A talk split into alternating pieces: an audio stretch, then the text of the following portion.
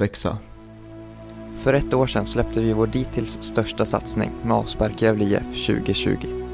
Som blev en succé och fick hela 4,4 av 5 i betyg av er läsare.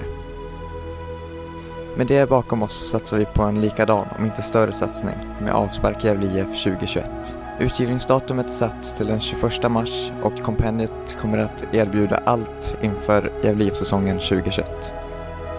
Vad sägs bara om truppgenomgångar, tippningar och motståndarkollar? Eller långa och djupgående intervjuer med spelare inom och utom föreningen? Läs till exempel om Admir Bajrovics märkliga klubbyte. Liksom, det här var på en annan nivå. Jag var liksom klar för en annan klubb och mentalt överens om allting. Och då satte jag mig på flyget. Skulle mellanlanda, så kom jag fram till Amsterdam. Helt plötsligt så får jag ett telefonsamtal från en helt annan klubb. Som hörde att jag var på väg till äh, Sepsi ringde och sa att men lyssna, vi vill ha dig. Vi vet att du är på väg till Rumänien. Men vi skickar över ett kontraktförslag, kolla på det och så väntar vi på dig när du landar i Bukarest. Och Chucho Chakachuas ord om den tuffa säsongen 2018 med kritiken mot Johan Mjällby. För han rakt ut, alltså han sa basically rakt i mitt ansikte att du inte platsar i den här truppen och sen därifrån, från att ha hört, som du säger, att alla säger att Talang hittills så kommer vår första tränare, jag tänker okej, okay, han är ny här, jag har en chans. Så basically säger han om jag kommer inte spela det den här säsongen. Allt detta och mycket mer kostar endast 75 kronor och majoriteten av intervjuerna erbjuds dessutom i videoform. Avspark Gävle IF 2021 går att boka redan idag. Det enda som behövs är namn, e-post och mobilnummer. Läs mer och säkra ditt exemplar redan idag på 1882bloggen.com. Boka Avspark Gävle IF 2021 idag.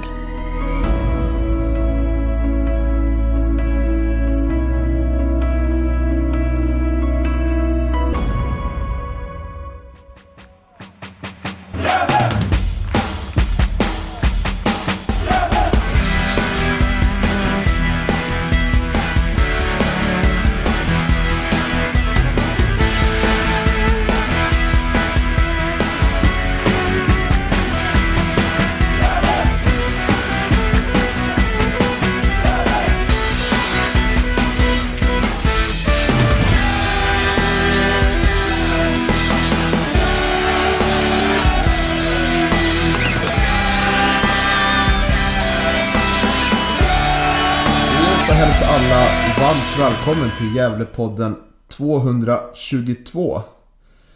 Idag är det jag, Niklas Backlund, som är med i vanlig ordning. Och eh, från västkusten har vi Andreas Strömme. Hur är läget Andreas? Jo, det är bra. Eh, har slutuppgift som ska vinna vid 12 i natt eh, i, genusvetenskap. Men eh, det är skönt att, att bryta av lite och, och eh, prata lite Gävle känner jag. Absolut, det har varit så mycket positivt snack om Gävle nu så nu blir det väl lite mer av en... en eh, ja, lite mer eh, kritisk podd får man väl säga och lite mer... Ja, lite mer frågeställningar som eh, är värda att lyfta, eller hur? ja, vi kommer väl in på det men det var ju inte världens bästa, bästa match i, igår. från Gävles sida, det får man ju ändå säga. Nej precis, och jag tänker att vi ska dra igenom startelvan här. Sen tar vi det från halvlek till halvlek och så avslutar vi med lite utropstecken och frågetecken från matchen. Men eh, startelvan såg ut så här då. William Lindqvist i mål. En fyrbackslinje av Linus Alin. Theodor Hansemon.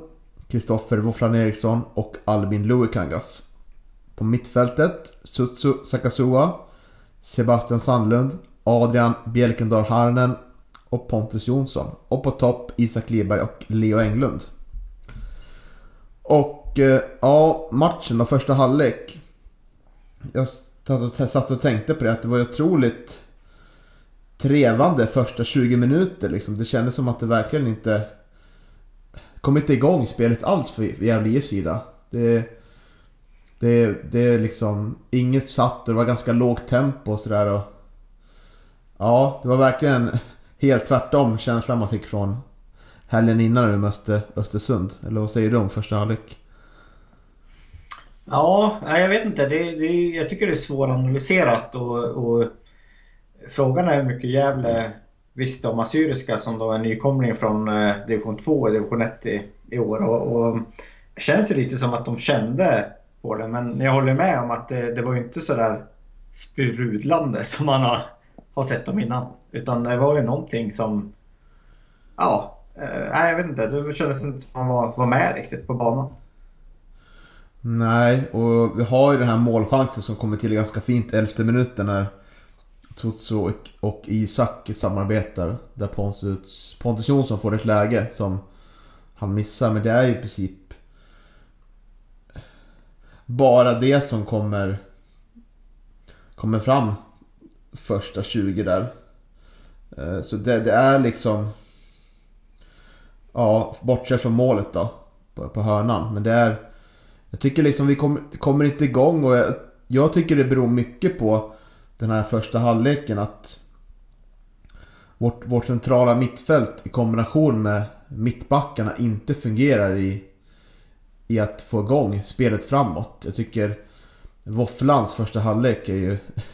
Bortsett från att han gör väldigt snyggt nickmål framåt så är ju eh, bakåt sett är inte bra. Jag tycker han missar positioner och det här passningsspelet som jag pratade om innan det...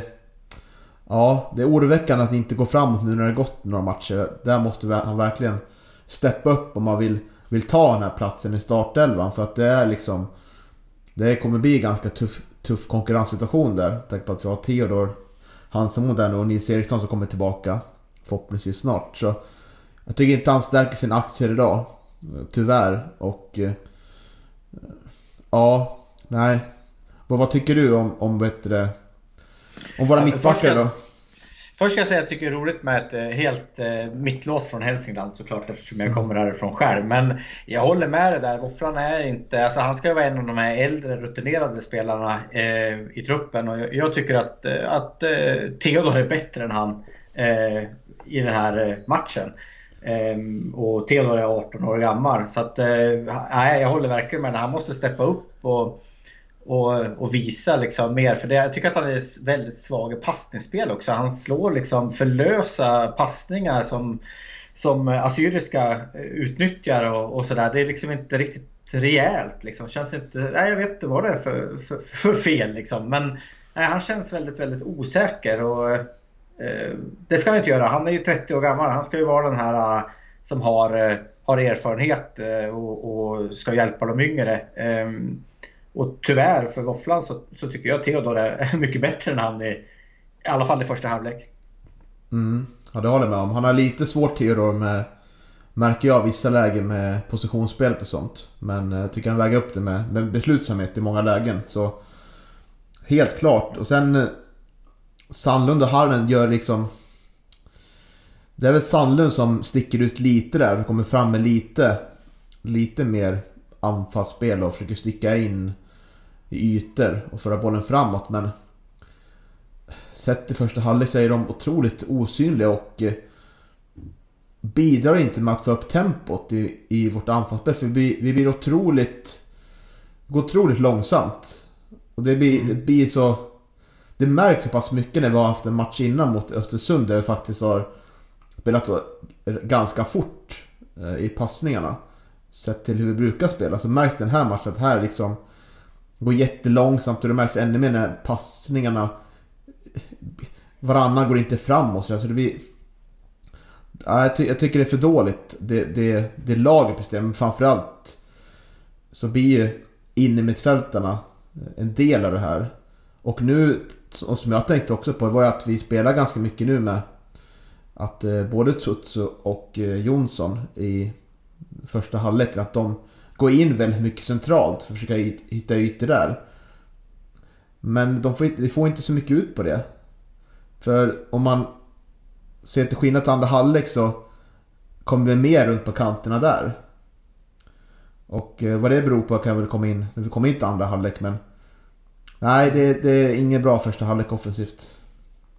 Nej, men jag tycker att alltså, i en sån här match då, där, man, där man möter ett assyriska som, som vi i seriespelet sen ska, ska slå så tycker jag att det är konstigt att man, man spelar med Sandlund och Haranen. För jag tycker att eh, man vill gärna att 1 plus 1 blir 2 men jag tycker att 1 plus 1 blir 1. Liksom, för att de är, de är lite för lika i sin spelstil. Alltså de är bägge Ja, Sandlund ser jag väl som en central mittfältare, kanske defensiv mittfältare medan Haranen tycker jag är en en defensiv spelare också. Och då, då kanske du, du, du inte får ut det där som du kanske får med Granat eller Ja, vi kommer in på andra med Oskar Karlsson eh, sen. Men alltså, du, de, de är lite för, för, statiska de två för att spela ihop. Och kanske mot BP till exempel i borta så kanske det är jättebra att spela med de två ihop på mittfältet för att, för att då får du en bra defensiv, vilket du i och för sig inte fick nu heller. Men det kanske beror på andra saker. Men, men jag menar att nej, det, det saknas den där offensiva spelaren på innermittfältet när de två spelare spelar ihop. Det är ingen av dem som riktigt tar den, den rollen tycker jag. Nej, precis. Ska vi gå in på målen kanske? Vi släpper in i halvleken. Det är ju dels det första målet där. Tyvärr så är det vår, vår målvakts, våra målvakters, får man väl säga, eh, passningsspel som ställer till det. Det är ett missförstånd från när William Lindqvist ska passa upp bollen till, ja, vad jag antar det är Sandlund eller Harnen. Och så hamnar den rakt i gapet på en assyrisk spelare som är 1 0-1, vilket är bedrövligt. Och så 1-2 målet för Assyriska, där, där kan man inte se riktigt vad som händer för att de... Men jag är alltid så jävla sena när man kollar på ettan fotbollen med repriserna så man missar alltid en del av matcherna tycker jag. Eh, och här missar man lite del av vad jag antar är ett uppspelningsfas från Gävle som går illa till va? Ja men alltså jag reagerar på att, att eh, Lindqvist är ute där innan 1-2 målet där och uh, försöker och ska ta bollen. Men antingen så skriker han inte så de andra hör eller så litar de inte på honom helt enkelt. Uh, så att det, det blir, blir ett bolltapp där i uppspelningsfasen och så skjuter han ett jättefint långskott där från jag vet inte, 25 meter eller något. Mm. Det var ju vackert. Men men förspelet är ju att, att Linkvist går ut och går ner och ska ta en boll men backarna liksom inte, de snor den för honom. Och så blir det det här dåliga. Så jag vet liksom inte om, om han var, för, för du säger var det svårt att se, men om han liksom bara halvvägs tillbaka till mål där efter den eller liksom att han inte riktigt är beredd heller. Då. Så att det, jag, jag ser ju det där som ett, eh, en kommunikationsproblem mellan backlinje och målvakt också. Eh, även om målet tycker jag är jättevackert. Det var synd att det var inte Gävle som gjorde det. Men, men det är ju en, en miss i försvar, målvakt innan den också. Eh, sen är det alltså 1-1 målet så, så känner jag att visst det är ju Lindqvist liksom. Men det är ju Gävles sätt att spela på också. Eh, som, som gör det. Där man där nog eh, Micke Bengtsson gärna vill se korta utspel från målvakten. Och att man liksom, men Assyriska, de har ju läst på. De, de pressar ju väldigt, väldigt högt och stressar hela tiden. Ehm, och, och, jag måste säga att jag tycker de är ett skickligt lag. Också man ser att det finns kvalitet i Assyriska. Jag tror inte att de kommer bli någon stryk på sig i den här serien. Liksom. Men Äh, det är lite, det, ser, det blir ju för enkelt liksom. Eh, så att, eh, äh, lite frågetecken kring målvakterna, men det kan vi ju ta sen. Ja, nej, jag håller med dig om att Jag tycker de var otroligt noggranna i det defensiva arbetet och spelar ganska smart offensivt också. Ganska, ganska liksom så här lätt spelidé men bara det funkar så kommer det ge massa poäng när serien drar igång. Ja, och de är ju liksom inte stelbenta heller utan det är ju många som har bra teknik i assyriska. Man ser ju liksom det. Men de, de, de spelar ju ändå på, på sina resurser liksom och känns som att man, man, man avvägde Gävle ganska, ganska bra i, i taktiken. Liksom. Ja, precis. Och det är intressant det här med målvakten för nu har det ju inte hänt en gång utan det har hänt flera gånger att det, det är svajigt där bak och Ja, det måste vara bättre fokus där, där bak om vi ska kunna eh, klättra i tabellen så... Ja, det behövs definitivt jobba på för jag, tänker att det, man ser startelvan mot Östersund och startelvan här. Det, det är inte jättemånga spelare som by, byts ut. Det är ju Våfflan är kvar, Linus Alin är kvar, Albin är kvar. Eh, så det är, det är ju bara William som kommer in och eh, Theodor, Hansemon, i försvaret. Så det är inte jättemycket i försvaret som byts ut så det borde inte vara så mycket problem med kommunikationen som, som det blir. Kan jag tycka. Nej, vet du vad det är för fel på Markström? Eller om han är sjuk eller är han skadad? Eller varför? Vart är han? Eh, var han inte på bänken nu? Nej, jag vet faktiskt inte. det kanske han var. Ja, det, Ja, vi får väl kolla upp. Eh, Men jag antar, antar att om man, om man var på bänken så är det säkert alternerat tror jag. Eh, Ja, vi får hoppas det. Mm. Men eh, nå, någonting jag tänkte mer på första halvlek då det är ju... Ska se här. Ja, vi kan ju kanske gå in på målen då. Det är ju väldigt snygg nick där av Våfflan. Som väger upp lite offensivt för honom. Eh, Det har vi pratat lite om att offensiva fasta, fasta situationer kommer bli... Kan bli i alla fall väldigt farligt. Vi har många starka huvudspelare nu. Ja, och, eh, alltså det är jättefint. Men vi brukar ju klaga på Sandlund. Men jag tycker den här frisparken som han lägger till, eh, till 1-0 är jättefin. Så att eh, han ska ha beröm också av Sandlund när, när han lägger bra frispark. Och den här var, var bra. Jag tycker överlag faktiskt att Sandlund var ganska bra på fasta den här matchen. Eh, de, de få hörnorna. För det blev ju, jag tror första hörnan var i 43 eller något sånt där. Eh, så att eh, det ska, det ska han ha plus faktiskt. Han, det tycker jag att han gör bra i den här matchen. Så att eh, han får gärna fortsätta slå mackor på, på hörnor och frisparkar. Mm. Eh, och sen är det... Det är klart att får vi in våfflan. Eh, jag tycker också att Theodor Hansemo är uppe på en del eh, fasta och, och ser farlig ut. Och, och där har vi varit ganska ofarliga de senaste 20 åren i eller någonting. Så att det, känns faktiskt positivt med fasta. Vi känns faktiskt farliga där. Mm. Och eh, innan vi avslutar och går till andra halvlek tänker jag kommentera vårt nyförvärv, Leo Englund. Eh, eh, den rollen han har nu och andra har haft i laget som en som slags droppande anfallare. Jag tycker vi inte fått någon riktig utväxling på det eh, hittills. Och det tycker jag är lite oroväckande att eh, Jag hade ju hellre velat sett en, en spelare med, med betydligt, alltså att man väger upp det. Där i den droppande rollen ska vara en spelare som har otroligt bra speluppfattning, spelförståelse och tekniska egenskaper. Att kunna slå en avgörande passen. Som spelare som ofta nämns varje podd i den här klubben, i Ranera. Eller i Erik Granat. En, en sån spelare tycker jag kan spela på den positionen. För att nu... Nu tycker jag vi inte får så mycket utveckling på, eh, på den positionen i själva spelet.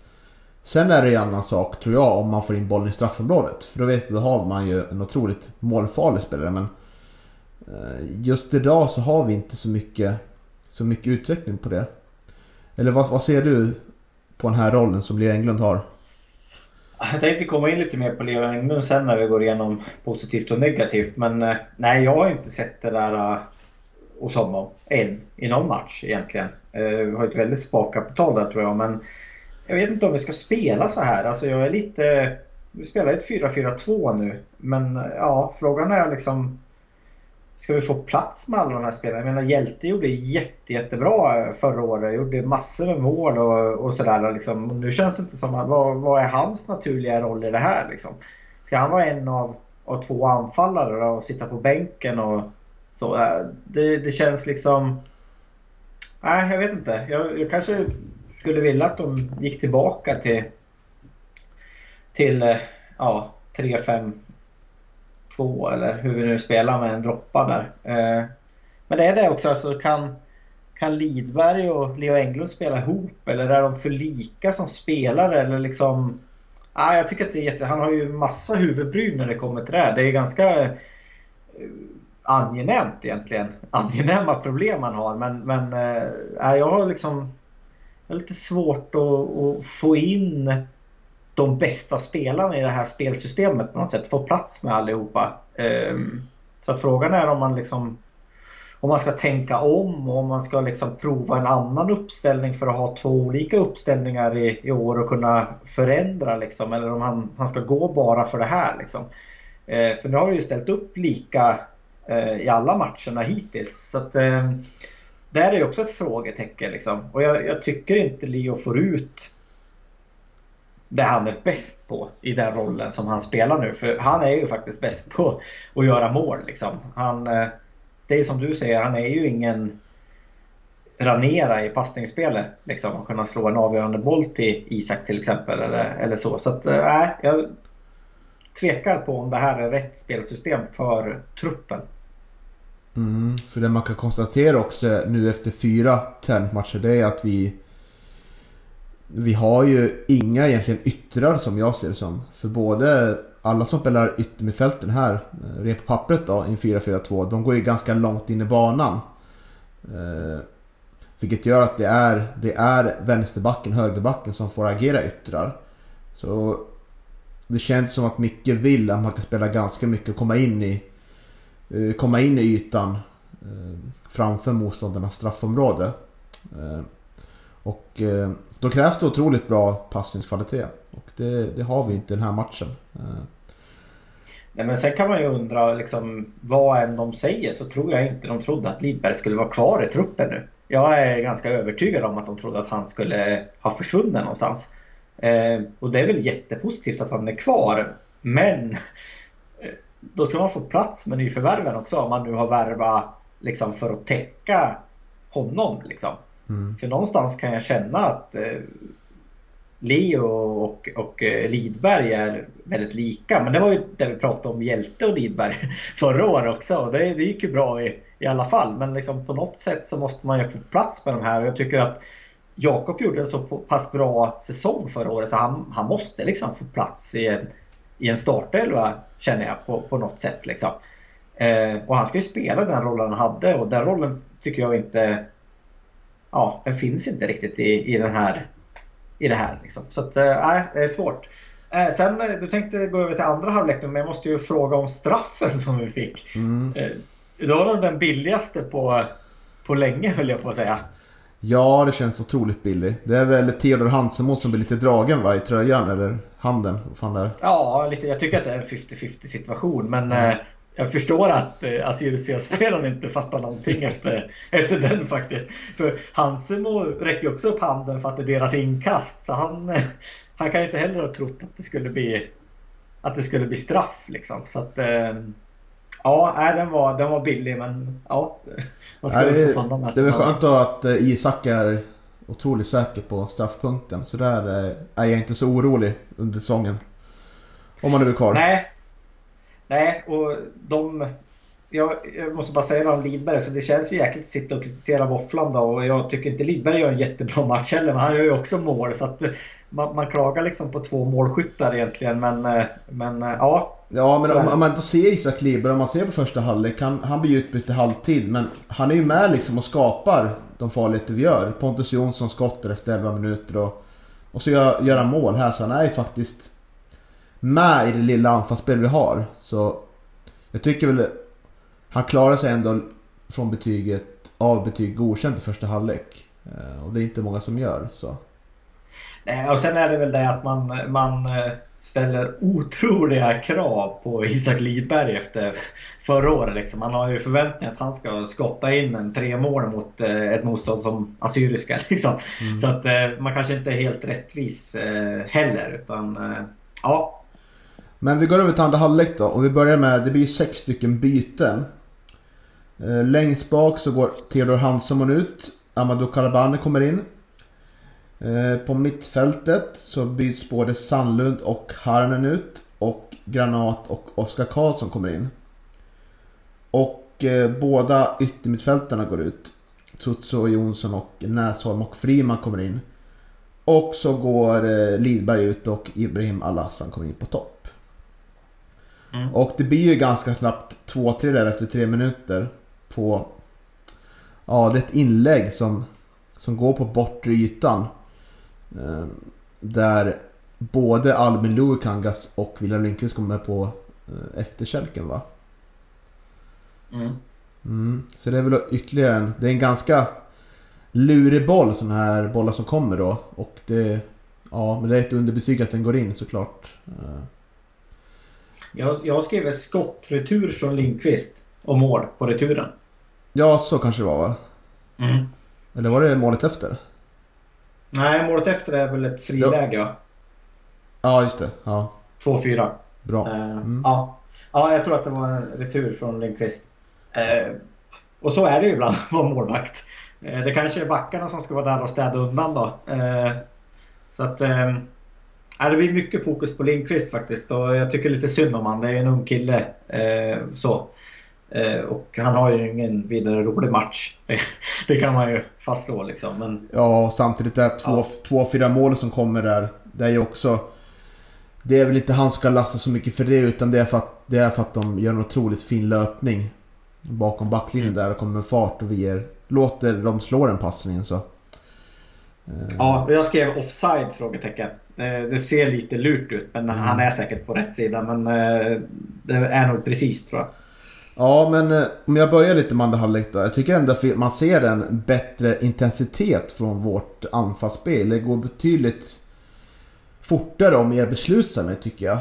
Ehm, och det är väl det man kan ta med sig tycker jag den här matchen. Jag tycker både Oskar Karlsson och Erik Arnat bidrar med någonting helt annat i, i speluppbyggnadsfasen. Bollen går mer framåt och eh, det blir högre tempo. Och det skapas lite mer halvchanser än det i första halvlek så. Eh, det känns som att de kommer in i matchen på ett helt annat sätt än vad, vad Sebbe Sandlund och Adrian Harnen gör. Eh, håller du med? Ja, men det har ju två spelare där som har en offensiv uppsida om man säger så. Ehm, och de, de, är ju båda två. Nu kan jag inte Oskar helt fullt och fast hur han har spelat U19 och sådär innan. Men, men man ser ju att båda har ju en, en ambition av att vara med i anfall och, och skapa saker på ett annat sätt än vad vad Harmen Sandlund har. Alltså inget skugga över de två för de är, det är bara olika spelartyper. Liksom. Och jag tycker Granat är jättebra i den här matchen. Och jag tycker Oskar Karlsson, liksom Hansemo i första, alltså de här ungdomarna, att de faktiskt visar att de vill vara med och, och konkurrera i år. För jag tycker att han är jätte, jättebra i andra halvlek, Oskar Karlsson. Och, och visar en mogenhet och han är lite överallt som, som gubben i lådan liksom. Så att, eh, nej, det är ju två spelare som kanske har, har mer eh, offensiva kvaliteter än vad Haranen och Sandlund har. Mm, eh. det är det som, tycker jag, gör att vi, vi kommer bättre runt på kanterna. Både Albin, så länge han är kvar, och Linus Hörlin kommer runt med på kanten. Det är för att det, det händer mer saker eh, bakåt där då. Eh, och sen ja, mittbackarna som kommer in. Eh, Kevin kom in senare där med 20 minuter kvar och Calabane. De bidrar väl inte jättemycket i det offensiva även fast Calabane är uppe där och röjer lite i andra halvlek. Han hamnar gärna där längre fram. Tar ett eget initiativ sådär. Lite, får lite en fri roll där i anfallet. Tycker jag är ganska härligt att se. Ja, han, är inte, han kan inte vara rolig att möta eller, i en nickduell liksom. Det är ju så. Um, men sen liksom om man kollar på jag tycker eh, det är intressant med, med Jonsson Näsholm också på vänsterkanten. För att nu tycker jag Näsholm visar i den här matchen, till skillnad från, eh, från matchen sist, att han, han verkligen har kvaliteter och att det händer saker. Eh, så jag tycker konkurrenssituationen där är ju väldigt intressant. För jag tycker att bägge spelarna är eh, otroligt intressanta eh, Näsholm, alltså de, de, är ju lika så att de tar egna initiativ och går för det. Liksom. Eh, Medan Näsholm kanske är mer nätt och, och liksom finurlig så ju, känns ju Jonsson lite som en tank. Jag vet inte, jag tycker att han känns väldigt, även fast han inte ser så fysiskt stor ut så känns han som att han, han, han står upp liksom på ett sätt. Så jag tycker att den är den konkurrenssituationen som är om den platsen tycker jag är jätteintressant och säkert kommer vara jättenyttig för, för Gävle i, i år. Det tror jag. Mm. Jag... Andra sidan är lite mer eh, Schurz och Friman. Eh, ja, eh, kanske hade önskat mer även om jag tycker att Friman ändå visar att han är en bra fotbollsspelare eh, i andra halvlek när han kommer in. Ja, och det som jag tänkt med Pontus Jonsson att han gjorde en otroligt eh, fin insats mot Östersund förra helgen. Och det kunde vara intressant att se honom i, i Leo Englunds roll. Den här släpande anfallen, att han får lite mer... För han har otroligt fin, fina kvaliteter. Och jag tror han skulle kunna bidra mycket med i den positionen när man väl får ytan. Så det vore intressant att se om han får, får det förtroende när matchen startar där och kunna slå in lite bollar bakom backlinjen till, till, till Isak eller Leo därifrån. Eh, men annars är det som du säger, det, det är otroligt... Det börjar liksom visa sig nu vilka, vilka som konkurrerar om de här platserna. Med tanke på att eh, Nisse verkar vara tänkt för anfallet nu. Eh, I matchintervjun efteråt i Gefle Dagblad så är det ju ganska tydligt att han, han och Micke Bengtsson har resonerat sig fram att det är där han ska spela. Och det, det är, tycker jag är otroligt bra att han äntligen, att han äntligen får den rollen som jag har tyckt till om så länge liksom att det är där han borde vara. Och, eh, ja, vi kan väl komma till, kanske komma dit då. Att eh, det görs ju tre byten till i 71 minuten och kommer eh, Kevin Persson kommer in istället för eh, Våfflan och Emin Gadzo för Louis Kangas och Nisse kommer in istället för Leo Englund. Och eh, ja, han gör ju mål Nisse. Och är ju nära att göra till mål. Eh, Ribbskottet på slutet så det är, kanske inte så involverad i spelet men han visar ju att det, han vill vara med och konkurrera där. Och eh, då får man ju nästan räkna bort honom på, från, från kant, eh, kantrollen, eller hur? Utan där, där är det fyra, fem spelare som, som är med och konkurrerar. Men jag tror ändå så här, skulle Salin gå sönder till exempel så tror jag att Nisse är en kandidat för den, den rollen. Liksom, eh, när det är skada. Sen är det liksom sådär, alltså om vi nu ska ha en släpande och vi inte riktigt vet om det är till och med en ny spelare som ska komma in. Jag vet inte riktigt vad som är sagt nu eller om man är, man är väl intresserad av fler spelare. Eh, då kanske de här spelarna konkurrerar om en forwardsplats bara. Jag menar, då har du Isak Lidberg, du har Englund, du har Nisse Nilsson, du har Al-Hassan. Eh, och Jonsson kanske också kan vara med, Pontus Jonsson, och konkurrera om en forwardsplats också. Och, alltså, det är ju för Nisse väldigt, väldigt svår konkurrens skulle jag säga. Liksom. Så att eh, ska han vara med och konkurrera där då får han nog räkna med att vara inhoppare, tror jag.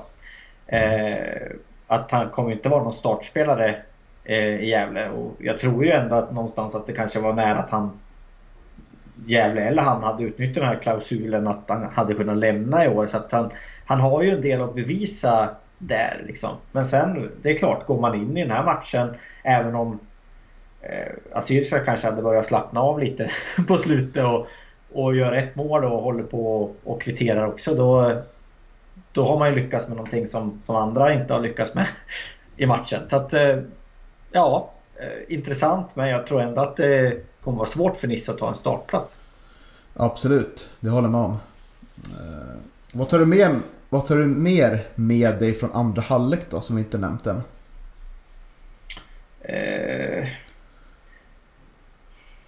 ja, ja men vi, vi, vi försöker i alla fall och, och, vi pressar på slutet. Jag tycker att det ändå, det ska de ju ta med sig. De är ju ytterst, ytterst nära att göra det här 4-4 målet. Eh, så det tycker jag man kan ta med sig. Vi, vi, vi gör ändå tre mål i matchen. Det är helt okej okay. och vi, vi kanske klantar oss på två av deras mål i alla fall. Liksom, att vi hade kunnat... Det är egna misstag liksom. Eh, sen kan det vara bra att åka på pisk också på försäsongen. Det, det är ju så för då då kanske man efter de här två matcherna mot Sundsvall och, och ändå en hedersam förlust mot Östersund att man liksom tänka oj vi är riktigt jävla bra i år. Och så åker man på pisk så här mot eh, nykomling i division 1. Ja då får man liksom börja fundera igen att ja, vi kanske inte är så jävla bra. Det kan vara nyttigt på försäsongen. Så att eh, man vill inte få pisk med 5-0 på försäsongen men man vill inte vinna alla matcherna och, och spela jävligt bra mot allsvenskt motstånd heller för då kan det kan det liksom komma in en, en säkerhet som är falsk. Liksom. Så att, eh, jag kan tycka att det, det kan vara nyttigt också. Även om man som jävla supporter vill att de vinner varje match så, så, så kan det vara nyttigt. Mm, och vi får inte se några yngre juniorer i den här matchen som vi fick se förra utan det är det är A-lagsspelare plus eh, Sebastian Friman och Calabano som är utan kontrakt. Eh, det är totalt 20 spelare som får speltid. Och om du kunde säga eh, några stycken. Eh, vilka tycker du förstärker sin aktie till en plats i premiären? Um, jag tycker Lou är jättebra den här matchen, måste jag säga. Jag tycker att det händer saker på vänsterkanten och han han visar en mogenhet och en finurlighet och han är bra på att avväga när han ska gå och när han inte ska göra det. Han känns väldigt, väldigt uh, säker. Det är kanske den i truppen som, som, ska vara, som är säkrast på sin plats. Det finns inte så mycket konkurrens på den där heller. Um, ja, Linus Salin tycker jag är jättebra på den andra kanten också. Det Känns verkligen som att eh, han har hittat det stället och han orkar hela matchen också. Han, han ställer frågor hela, hela matchen på, på sin kant och, och sköter, sköter defensiven och, och nej, jag tycker att, att han är riktigt, riktigt bra också. Ehm, Sen är det ju alltså, Sandlund kommer att spela en premiär. Jag tror också Granat kommer att spela. Jag tror att det är de två som kommer att spela på, på mittfältet. Eh, mellan Näsholm och Jonsson måste jag säga att det, eh, det har ju, jag tyckte Jonsson var riktigt bra i, i förra matchen mot Östersund och tycker Näsholm gör det riktigt bra. Alltså där tycker jag att det är väldigt mycket osäkerhet. Eh, och samma sak på den andra kanten också mellan... Nu är det ju bara Ciuccio som har eh, just nu eh, eh kontrakt där. Jag tycker ändå Friman visar att han, han har kvaliteter när han är hel. Liksom. Och hans stora problem är nog att han ska vara hel och, och frisk. Liksom. Då, då kan han vara med. Men ja, mittbackarna tycker jag, jag tycker jag är jättesvårt faktiskt. Som det är nu. Eh, jag tycker Kevin Persson, alltså han, han, han känns som att han, han, han är den spelare som, som kommer att ta den ena platsen. Men sen vem som kommer att spela på den andra. Sen är det Calabani. Alltså, vad gör han med? Varför är han med? I huvud taget. Om han inte ska ha ett nytt kontrakt. Jag förstår inte riktigt. Vad, vad händer med honom? Mm. Varför är han i Gävle? Och spelar våra träningsmatcher men inte har något kontrakt. Ja, det är intressant. Eh, men jag kan eh, först eh, tillägga att jag tror Jakob Hjälte konkurrerar om den höger mittfältspositionen också. Jag tror det han kommer användas. Men han är inte med. Han är inte med i den här matchtruppen. Så han var väl antagligen lite småskadad eller sjuk. Mm. Mm. Eh, men ja, jag håller med dig mycket om du säger. Eh, vilka som förstärker sina aktier. Eh, och det är ju andra mittbackspositionen bredvid Kevin Persson jag tycker är efter den här matchen tycker jag den är ganska öppen. Det har tidigare varit våffla men Theodor gör inte helt bort sig här och Kalaban gör inte heller bort sig. Och eh, med tanke på att Linus Alin har liksom befäst sin position som högerback. Han blir aldrig utbytt heller. Så han, de, det är ganska tydligt att han vill matcha in Linus Alin som den naturliga högerbacken. Eh, mm. Så han kommer inte spela så mycket mittback förutsatt att alla är skadefria. Alla andra mittbackar så. Eh, ja, det får väl avvakta med då Calabane. Det tror jag. Och Friman också. Men det ja. är ju snart en månad premiär så det kommer väl hända någonting där snart tror jag. Ja, och sen tycker jag det är lite svårt med forwards. Alltså nu är det väl så att vi har Englund och vi har Lidberg och de två liksom är så pass stora på pappret så att de ska spela liksom. Men kollar man till spelet som de har med varann så känner jag mig inte alls säker på att det är de två egentligen. Jag kanske skulle vilja haft in en lite snabbare liksom, Nisse eller Hassan på eh, ena. Liksom, för att äh, det, det, känns, eh, det känns som att de är lite lika liksom. Och, och att Lidberg eller Englund ska droppa då och vara den där. Det känns också, så där tycker jag också det finns frågetecken i, i forwardsuppsättningen. Vi har ju jäkligt många forwards men jag tycker att det är lite svårt vilka som faktiskt ska, ska spela. Är de för lika varandra, Leo Englund och Isak Lidberg? Eller liksom, går det, kan de få ihop det på något sätt och få ett samspel och vara jävligt tunga istället? Eller, ja, jag tycker att det är jätte, jättesvårt att, att se vilken konstellation som, som skulle vara bäst för Gävle. Liksom. Mm. Ska vi gå in på eh, utropstecken och frågetecken kanske? Ja. Eh, Ska vi börja med frågetecken och lite negativa då? Mm, kan vi då. Kör på. Uh, ja, då har jag skrivit Våffla.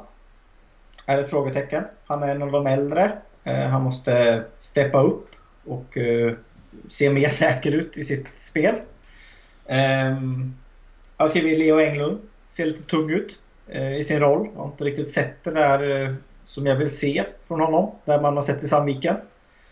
Eh, målvakterna tycker jag är ett frågetecken. Eh, vad händer om, om Markan går sönder? Eh, hur bra är Markan nu? Eh, ja, jag tycker att det känns lite osäkert på, på målvaktspositionen.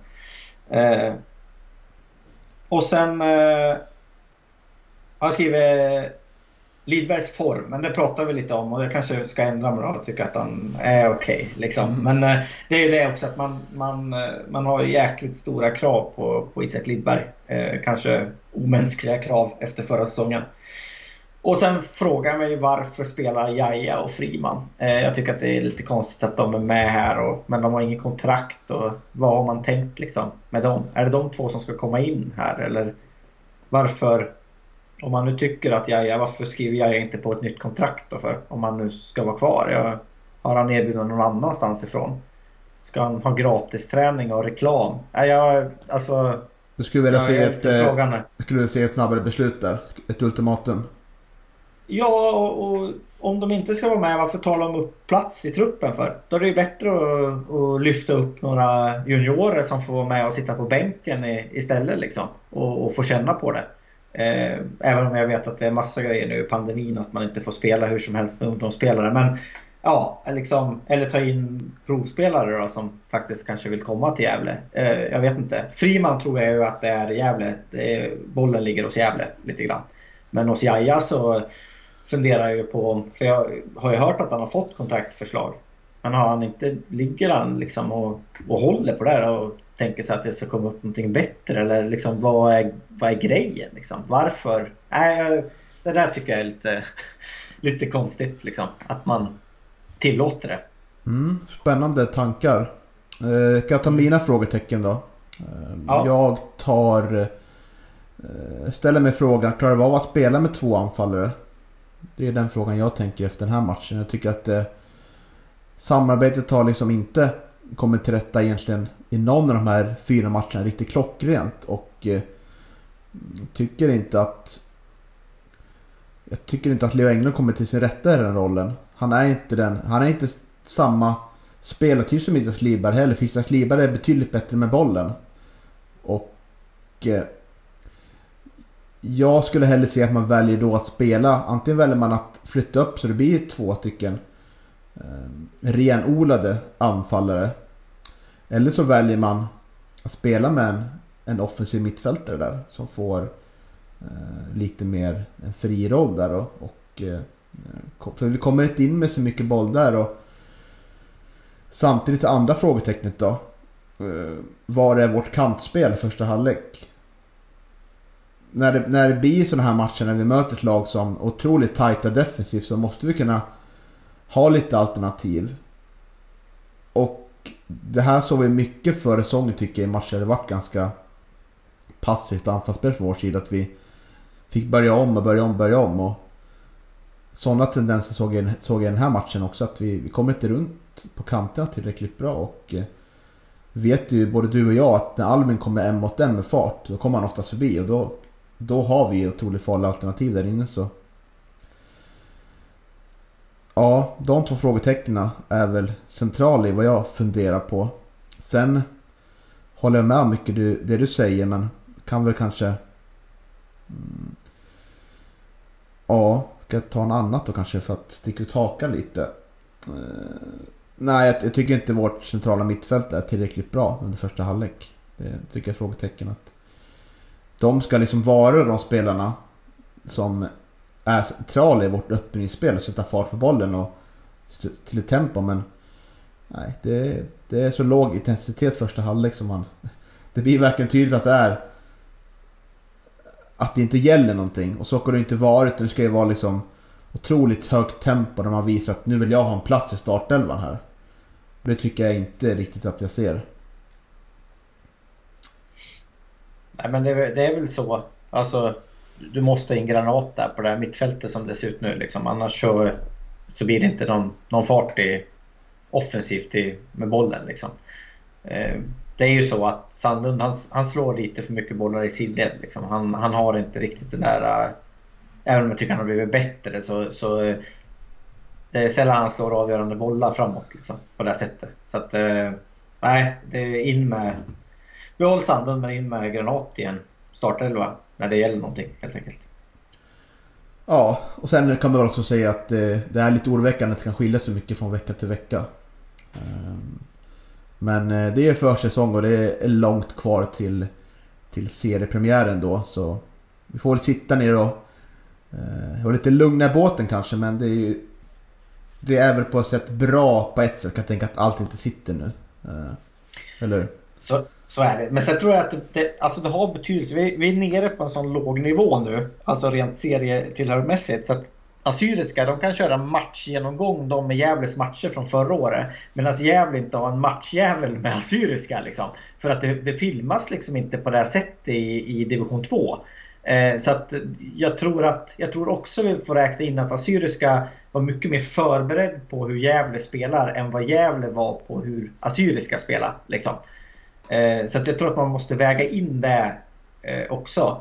Och sen, alltså, det brukar pratas om sådana stora skillnader mellan division 2 och division 1. Men jag, det vill bara kolla på hur det gick för de lagen förra året med Täby och, och Haninge och sådär. Så, så ser man ju att jo, men de, de kan visst slå sig in bra i division 1. Liksom. Och som sagt var, jag tror inte Assyriska kommer att... Det kommer liksom inte att, att eh, vara något stryklag. Utan de kommer nog klara sig ganska bra i den här serien. Det tror jag. Ja, ska vi gå vidare till lite positiva saker då? Utropstecken. Eh, ska jag börja ja, där då kanske? Ja, gör det. Mm. Uh, ja, jag säger väl det jag var inne på. Intensiteten i anfallsspelet. Betydligt bättre bollrullande andra halvlek och det skulle det varit från start. Men det, det tycker jag är ett otroligt bra att det blev lite förändring där. För annars var det en otroligt, otroligt deppig, deppig match att kolla på. Eh, så det är första utropstecknet. Andra tycker jag ändå eh, Albin gör ju alltid en stabil insats och visar att han är farlig. Han har ju en eh, bra boll därifrån. Ja, när han kommer lite över halva plan och slår bollen mot Leo Englund där som blir lite offside. Men det är en otroligt fin boll och han är ju ett vapen Eh, med sin fot på den här kanten så. Han gör inte bort sig den här matchen. Det gör han väldigt sällan. Och eh, man kan ta sista utropstecken då. Ja, jag tycker det är kul att se att eh, Nisse får göra mål. Jag tror att han kan behöva det. Och han nära gör två också. Så. Annars är det inte så mycket, inte så mycket utropstecken förutom det. Får man säga. Um, ja, jag håller med om Louis. Det var ju mitt första utropstecken. Jag har ju fem stycken som jag har tagit fram här. Oj. Eh, sen, Såg vi ja, samma match? Måste, ja, jag tror det. Eh, nej, sen måste jag lyfta fram eh, Theodor Hansemon. Eh, alltså jag tycker ändå för att vara 18 år så tycker jag han visar en väldig mognad. Visst, han kanske som du säger ibland fel i positionsspelet men han jag tycker att han är, han är väldigt, väldigt följsam Eh, i närkampsspelet. Det, han är väldigt, väldigt svår att komma runt för motståndarna och, och, och väldigt jobbig tror jag att möta. Han, han, känns väldigt sådär väldigt mogen i sitt spel och jag tror att ge Theodor Hansemo den här säsongen och kanske en till där han får spela lite mer så kommer han att vara en A-lagsspelare i Gävle IFs trupp om ingen annan tar han eh, i många år framöver. Så att eh, verkligen jätteroligt att se att en, en kille från, från eh, egna leden, även om han kommer från Bollnäs från början, eh, tar för sig så mycket. Nu fick jag in det också. eh, och då ska jag ta nästa som är Oskar Karlsson också. Där har vi också en, en ung kille som faktiskt är från Gävle. Eh, som också ser jätte, jättelovande ut. Och jag tror på sikt att han kommer att, att kunna mönstra den offensiva Eh, mittfältsrollen som du pratade om. Eh, Ge han också två år så kommer han att, att vara där och, och konkurrera på den på allvar. Jag tyckte att det syntes i den här matchen att han har tagit, tagit steg sen, sen förra året. Så att, eh, jag tror att han kommer vara med och, och spela mycket mer i år. Ehm, sen har jag Linus Salin som jag tycker är jättepositivt. För nu känns det helt plötsligt som att vi har en högerback. Eh, förra året kändes det som att det var flera spelare som vikarierade på högerplatsen som inte riktigt passade där men som ändå ibland gjorde ett halvskapligt jobb. Liksom. Nu känns det verkligen som att vi fått in en kille som, som kan spela där och, och eh, bra i defensiven men även bra i offensiven. Eh, och så avslutar jag med konkurrenssituationen på vänster ytter mellan Jonsson och Näsholm som jag nämnde innan. Där har vi ju, tror jag att det kommer vara jättenyttigt eh, för bägge två att konkurrera med varandra och tävla. Mm, spännande. Mm. Ja, håller med mycket du säger. Eh, de yngre tar plats kan man säga, eller hur? Ja, och jag hoppas att det är för att de yngre är eh, så bra och inte för att de äldre var så dåliga. Men det känns ju verkligen som att båda de här två är med och konkurrerar om, om platserna. Eh, Gazzo känns ju som att han spelar lite för lite för att man skulle liksom kunna avgöra om han kan vara med och och konkurrera. Jag tror inte att han kommer att konkurrera med Louie om en vänsterbackplats så länge Louie är hel. Men, men eh, han kanske också är med i mittbacksdiskussionen där för han är också vänster, vänsterfotad mittback egentligen. Så att, eh, men Oskar Karlsson och Hansen var jättestora utropstecken tycker jag i den här matchen. Mm. Och det är kul. Visst är det det.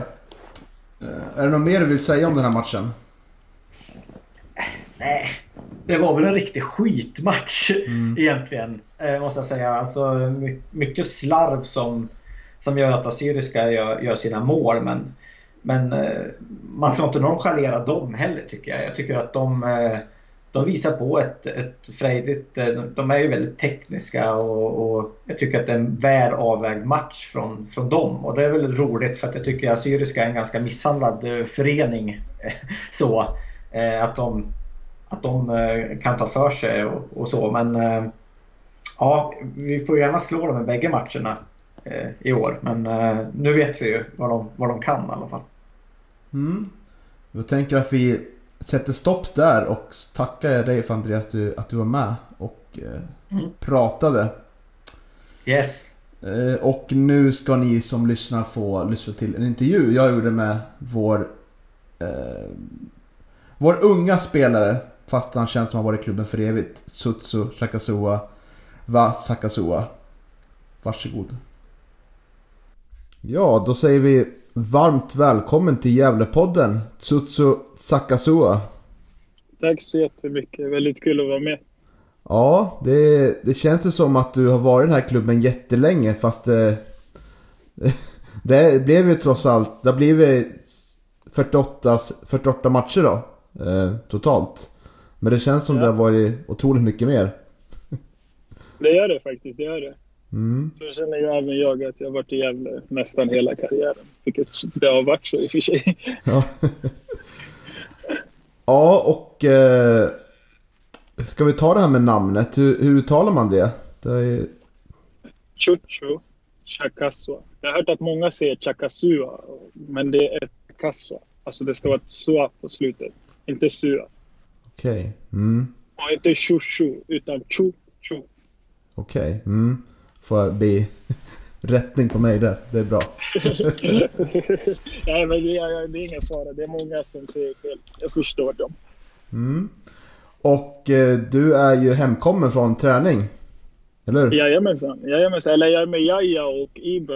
Jag har precis varit hemma hos mig och fixat lite mjölk och sånt till Jaja och dem. Men nu väntar jag på att de ska vara klara och så, sen så ska jag skjutsa hem dem igen. Mm. Trevligt. Jajamensan. Vad gjorde ni på träningen idag då? Något du kan avslöja? Eh, jag kan säga att vi spelar 11 mot 11 idag. Spännande.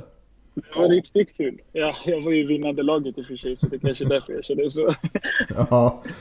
Eh, hur, var, hur, hur, hur var lagen uttagna då? Var det som en första elva mot en andra elva eller var det helt blandat? Nej, nej, nej, men det var, det var helt blandat. Vissa som spelade mycket förra året i båda lagen helt enkelt.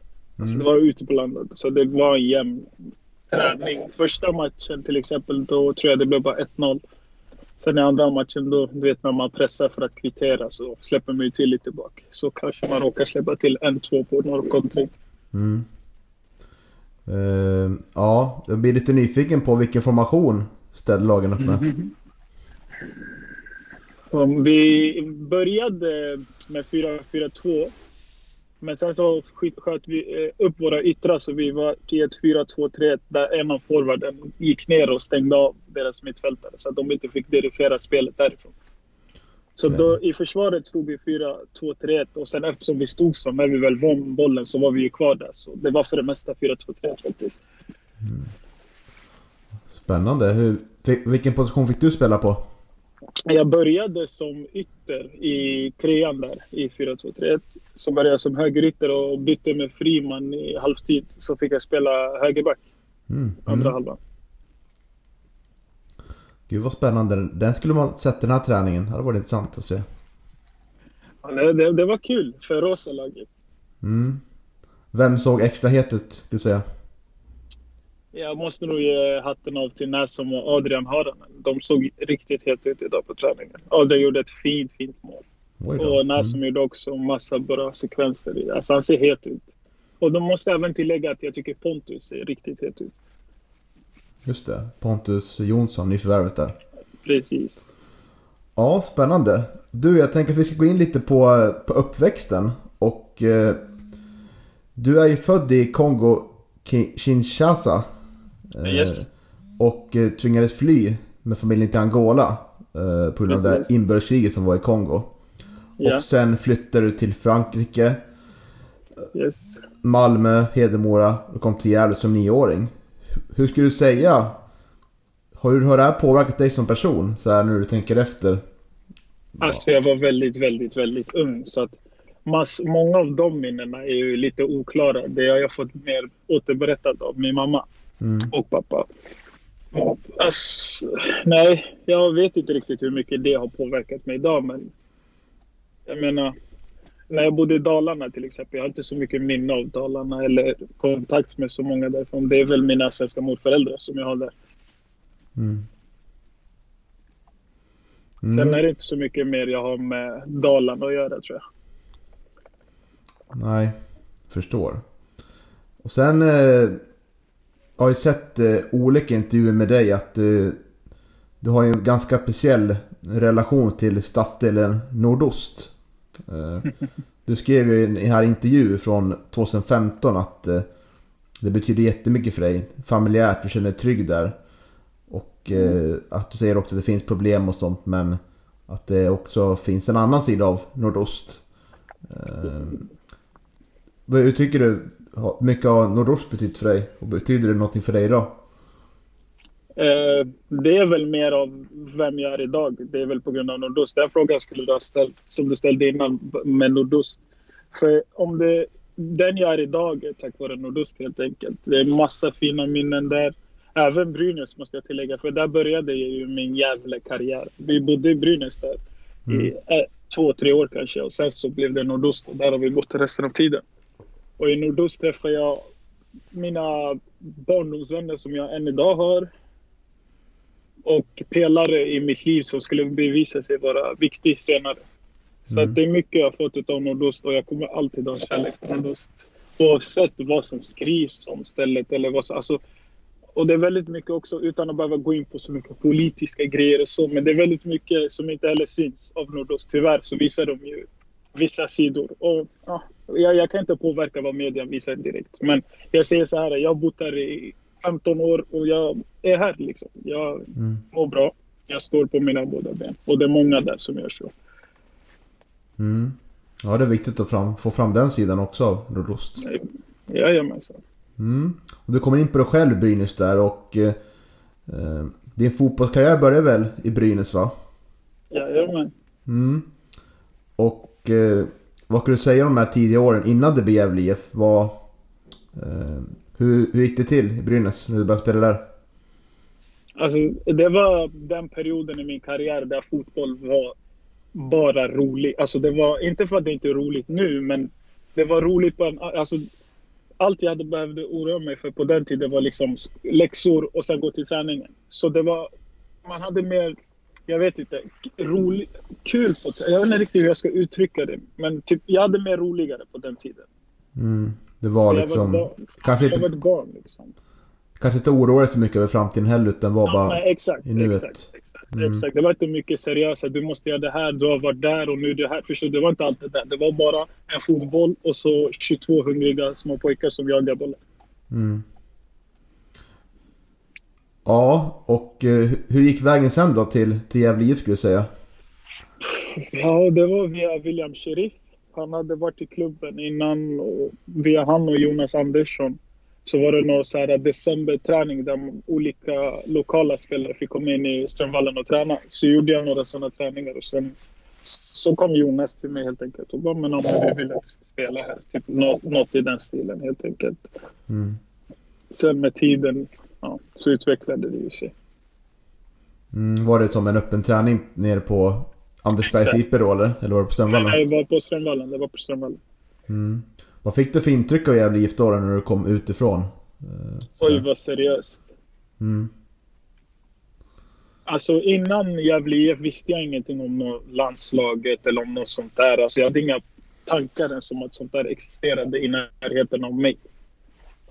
Mm. Tills jag kom till Gävle och så fick man möta lag som AIK. Min första U17-match var mot Brommapojken. Liksom. Från att ha gått och mött Hille IF. Ingen disrespect till Hille IF eller något. men Alltså från att ha gått till att möta Hille IFs ungdomar till att möta BP's ungdomar som möter så här Bayern München och sådär. Det är annorlunda. Det, det, tempot, kvaliteten, alltså det, det är annorlunda. Och det var det första jag märkte. Kvaliteten var mycket, mycket, mycket bättre i Gävle. Mm. Och hade du Jonas Andersson som tränare då? Jonas Andersson och Lill-Jonas. Vem är Lill-Jonas? Eh, Han var en tränare på den tiden. Jag, jag, vet, inte, jag, han, jag vet att han bor precis vid nordost för vi ska stöta på varandra. Men jag, jag vet inte han, om han är tränare fortfarande faktiskt. Men eh, han var en tränare till mig. Han var min första tränare, GIF han och eh, vad heter han? Jonas Andersson. Mm. Vad kan du säga när du, när du kom fram då? Vilka, vilka förebilder såg du inom... Ja, det behöver inte vara inom Gävle IF utan rent allmänt så. Vad, vilka såg du upp till?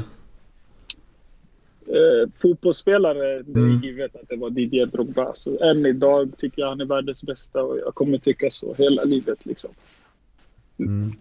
Så att det, Didier Drogba var min största förebild, min största motivation. Allt, alltså allt med han ville jag bara bli helt enkelt. Inom fotbollsvärlden så var det Didier Drogba som fick mig att ja, men, bli hungrig och jaga Chelsea-drömmen. Mm. Ja, vi kommer in lite på det sen. Eh, Men hur, hur kan du säga de här, när du kommer in i, du kommer väl in i akademin va, kan man säga? Eller hur? Ja, Mm. yes. Hur, eh, hur, var, hur var steget från, från Brynäs? För då låg väl Brynäs i, ja, jag kan tänka mig trean, fyran kanske och kom in till, till akademin i Gävle. Var det, var det stor skillnad tycker du på, på tempot och träningarna? Eh, Jag spelade med Brynäs 97 och sen när jag gick till GIF fick jag spela med, eh, vad var det, 94 Mm. I U17, då spelade jag med 94 ja. Så att var, de var redan, alltså, de var ju äldre redan från början. Så det var lite jobbigt för jag var van vid att kanske kunna göra lite som jag ville. Men, lite. men sen gick det från att kunna känna att man kan göra till nästan vad man vill till att okej, landa lite på jorden. Den omväxlingen var väl det Sara, som jag märkte, okej, nu är du inte längre med samma ålder, nu är det inte lika... Du kan, kanske inte kan fuska på samma sätt i vissa sekvenser och ma- massa sådana tankar helt enkelt. Mm. Var det tydligt att det var Pelle Olsson som, eh, som tränade A-laget och spelade av sig lite mer på, på akademin och sånt? Och i början hade jag jättemycket problem med det där. Från Mm. att ha gått till Brynäs där vi inte har så mycket strikta, gör så, gör si och gör så, till att jag gick från där en tränare är i mitt öra och säger till mig helt enkelt hur jag ska göra hela tiden. Ja, det kan jag Det- tänka mig. Det var många som hade det. Ja, men alltså, jag, det där var...